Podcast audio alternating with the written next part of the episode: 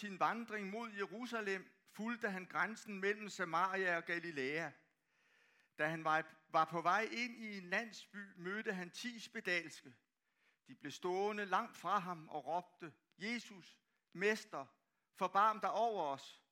Da han så dem, sagde han, gå hen og bliv undersøgt af præsterne. Og mens de var på vej derhen, blev de rene. Men en af dem vendte tilbage, da han så, at han var blevet helbredt. Han priste Gud med høj røst og kastede sig på sit ansigt for Jesu fødder og takkede ham. Og det var en samaritaner. Jesus spurgte, var der ikke ti, der blev rene? Hvor er de ni? Er det kun denne fremmede, der er vendt tilbage for at give Gud æren? Og han sagde til ham, stå op og gå herfra. Din tro har frelst dig. Amen.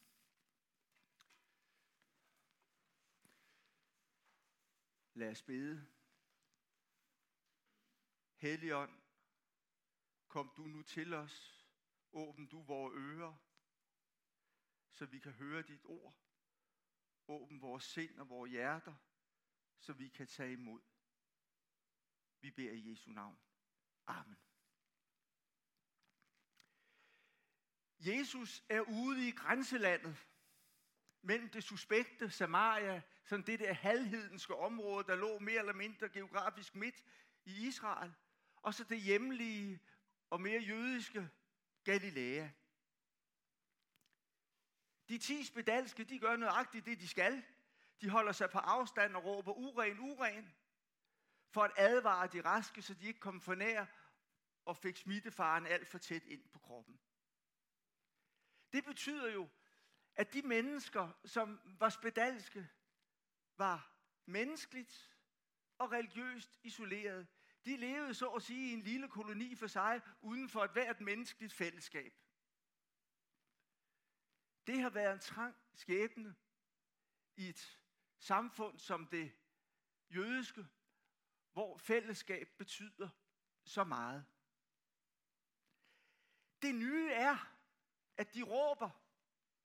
De råber til Jesus om hjælp, om barmhjertighed.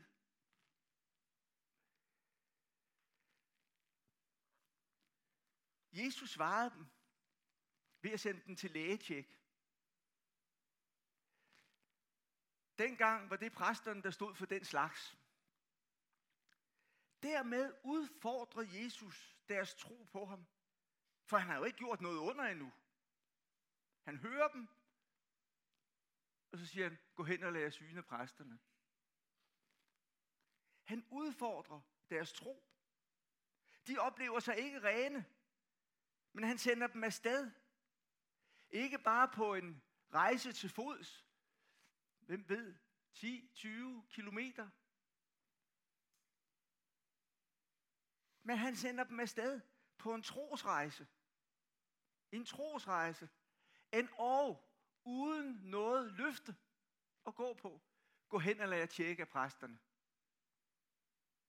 Det var det eneste, de havde fået at vide. Og på vejen, så sker der noget. Mens de går, bliver de rene. Jeg tror, vi skal drage den lære ud af det, at når vi vandrer i tro på Jesus, så sker der noget. Når vi vandrer i tro på Jesus, så sker der noget. Vi ved måske ikke altid, hvad der venter os, men der sker noget. Da jeg forberedte den her gudstjeneste, kom jeg til at tænke på beretningen lidt længere hen i Lukas evangeliet, hen mod slutningen af evangeliet om de to vandrere på vej til Emmaus. De vandrede også uden nogen form for løfte, det kan man vist roligt sige. De havde lige oplevet, at, at Jesus var død, og de var fuldstændig forvirrede. Rundbarberet, kunne man næsten sige, af forvirring. Så kommer der en fremmed, begynder at tale med dem. De vandrer ved siden af ham, og de opdager ingenting. Men pludselig, da han bryder brødet med dem, så opdager de, hvem han er. Og så sker der noget nyt i deres liv. Når vi vandrer i tro, så sker der noget med os. Åndeligt, eller fysisk, eller begge dele.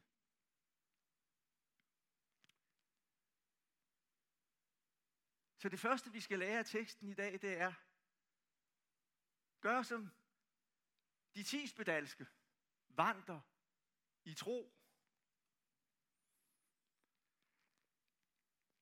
Se, selvom det er et fokus, der nok er værd at tage lidt mere fat i, så er det jo ikke engang som det egentlige fokus i teksten. For, for det er faktisk ikke på helbredelsen, som der er fokus på. Men det er det, der sker efter helbredelsen. Det virker besynderligt, at 9 ud af 10 ikke vendte tilbage for at sige Jesus tak.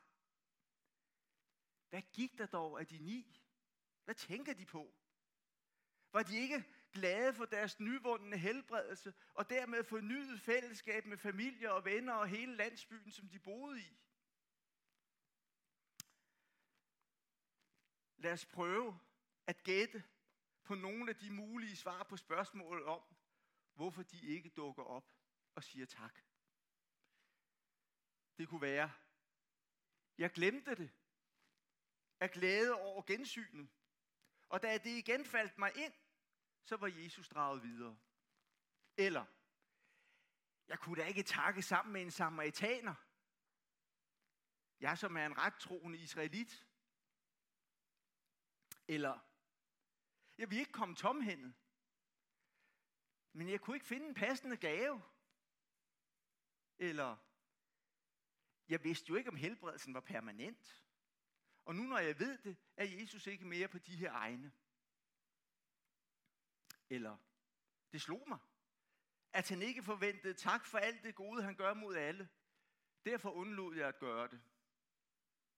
Eller, det var nok min pæne livsførelse, der gjorde, at Jesus helbredte mig.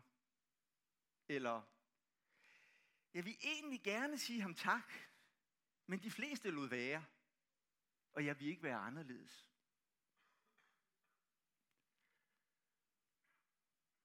Hører vi mon hjemme blandt de mange glemsomme?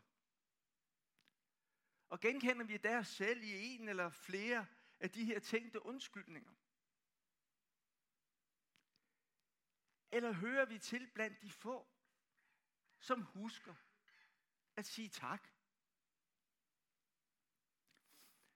Når vi samles til gudstjeneste, eller i smågrupper, mindes vi på en speciel måde om, hvad Gud har gjort, og til stadighed gør godt for os. Og gennem alt, hvad vi hører, er der sådan en kontinuerlig tilskyndelse. Og tilskyndelsen siger med salmistens ord, som lige læste for os for et øjeblik siden, min sjæl lov Herren, og glem ikke alle hans velgærninger. Vores ulykke er næppe den her glemsomhed som sådan. For ubehagelige og smertelige oplevelser har vi det med at huske. Dem kan vi grunde over længe, og de kan få lov til at præge vores liv meget længe. Gode og glædelige begivenheder har det med at udviske, sådan fade ud, som det vist hedder på moderne dansk, for os. Nok glæder vi os lige i øjeblikket, men glæden får ikke lov til at komme ind i vores sind, får lov til at dominere i længden og bære os.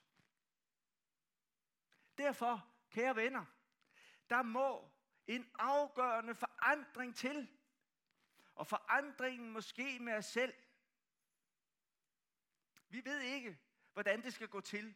Men lykkeligvis kan det ske igen og igen.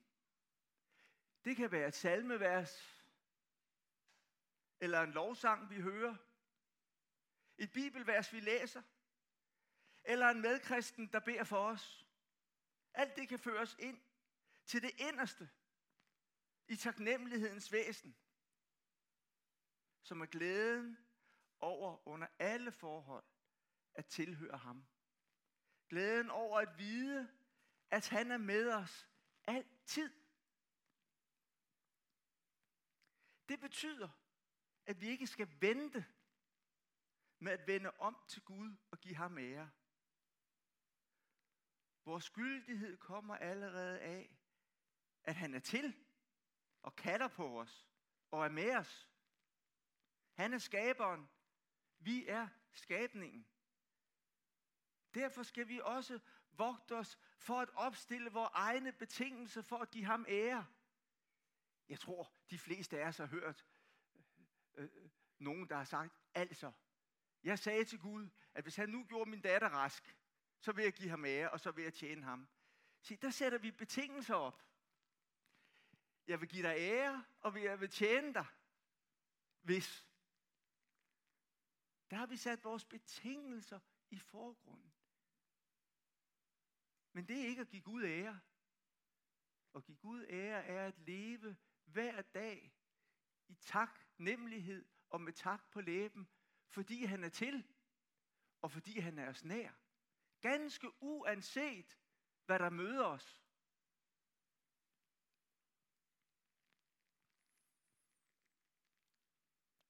Skal vi for alvor blive opmærksom på Guds godhed mod os, så at vi lover, priser og takker ham, så må vi have vores øjne oplatte på trosvandringen og se med troens øjne.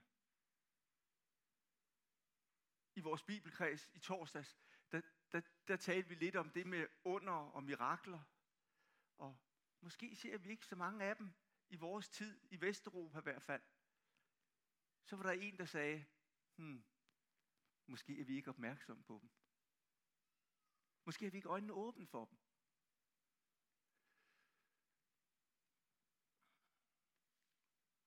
Vi skal have vores øjne oplatte på trosvandringen. Ganske som Emmaus-vandrerne også fik det.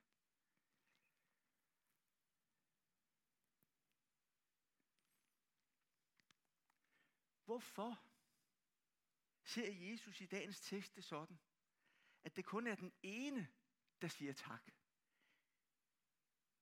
Altså det, det står jo ikke klart, ifølge teksten i hvert fald, om de ni andre, de har sådan gået og, og mumlet en tak i skægget.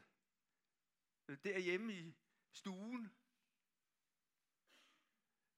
Eller de var måske begyndt på arbejde igen. Der gik de også tænkte på Gud og sagde tak. Hvordan er, hvorfor er det, at Jesus siger, at kun én kommer tilbage og takker? Det handler om, at Gud takker vi ikke bare sådan i al almindelighed. Takken skal altid ske i Jesus selskab. Det er det, vi skal lære her.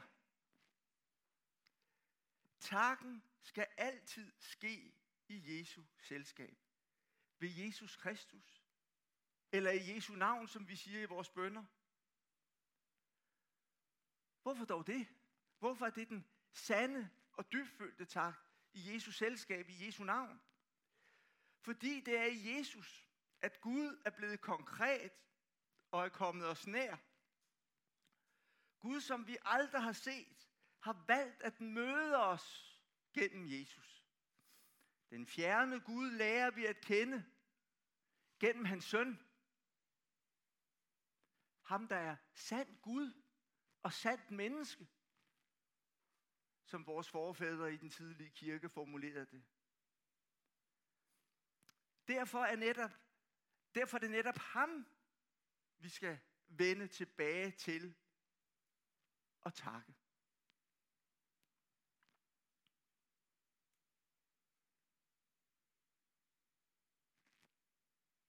Det var så det andet, vi skulle lære.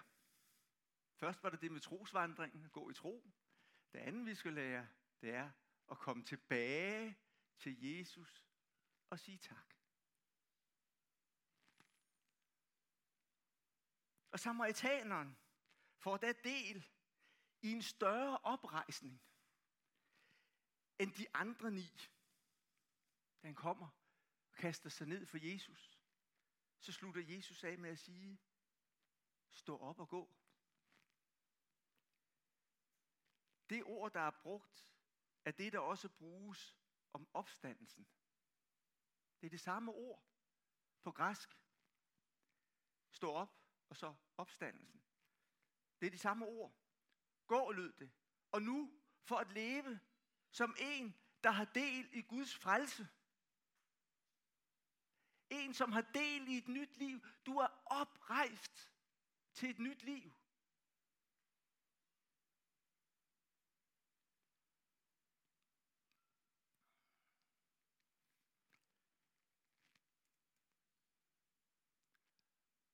Og så, så kommer der det der lille gå.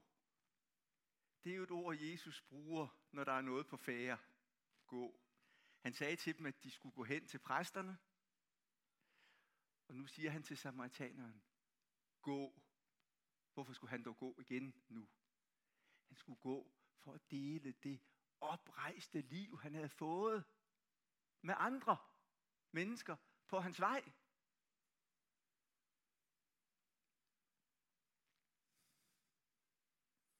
Takkens møde med Jesus lyder der altid, også til dig og mig, et kald. Gå. Se, jeg ved ikke, hvordan I har det, men jeg har det sådan, og det er jo helt forkert. Jeg siger det med det samme, og det er jo helt forkert. Men jeg har det sådan, at så er vi til gudstjeneste og bibelkreds. Så snakker vi måske med nogle kristne venner. Det er sådan, det er sådan gudstjenesten. Og så er der hverdagslivet. Og det er jo langt de fleste timer, det kan I nok regne ud, ikke også? Gudstjenesten, selvom i sådan et varmt lokale kan man føle den lidt lang, men, men den er jo ikke særlig lang, halvanden time, eller hvor meget det nu er. Bibelkredsmøde, en time, så er der kaffe. Det er to og en halv time. Hvor mange timer er der på en uge? Ja, det kan jeg ikke lige regne. Der er 7 gange 24. 160 timer. Så langt de fleste timer, dem tænker vi så, Nå nej, det har jo ikke noget med Guds tjeneste at gøre. Men Jesus siger noget helt andet. Han siger, efter mødet med ham i gudstjenesten, så siger han, gå.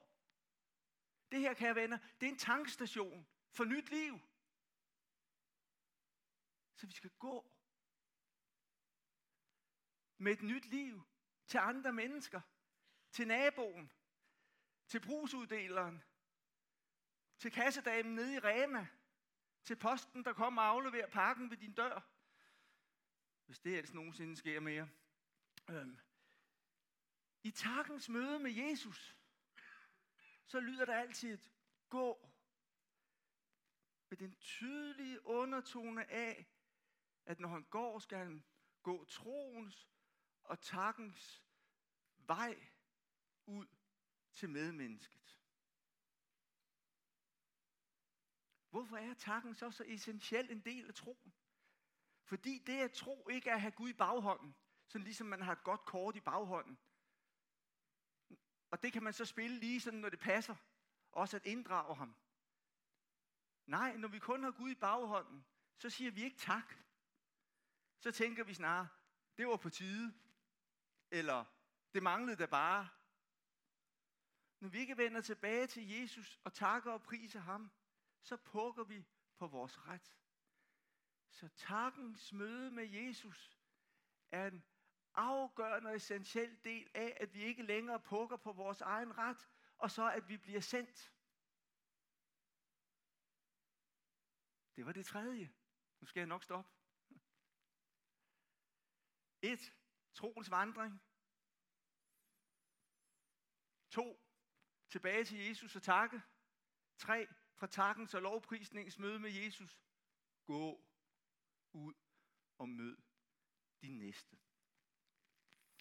Tænk, når vi som kristne begynder at betragte hverdagen som en gudstjeneste også. Tænk, når vi i hverdagen møder mennesker, fyldt med taknemmelighed, glæde og fred over at, lære, over at have lært Jesus at kende, over at have mødt ham. Hvad munter der ikke kan ske. Amen. Vi skal bede.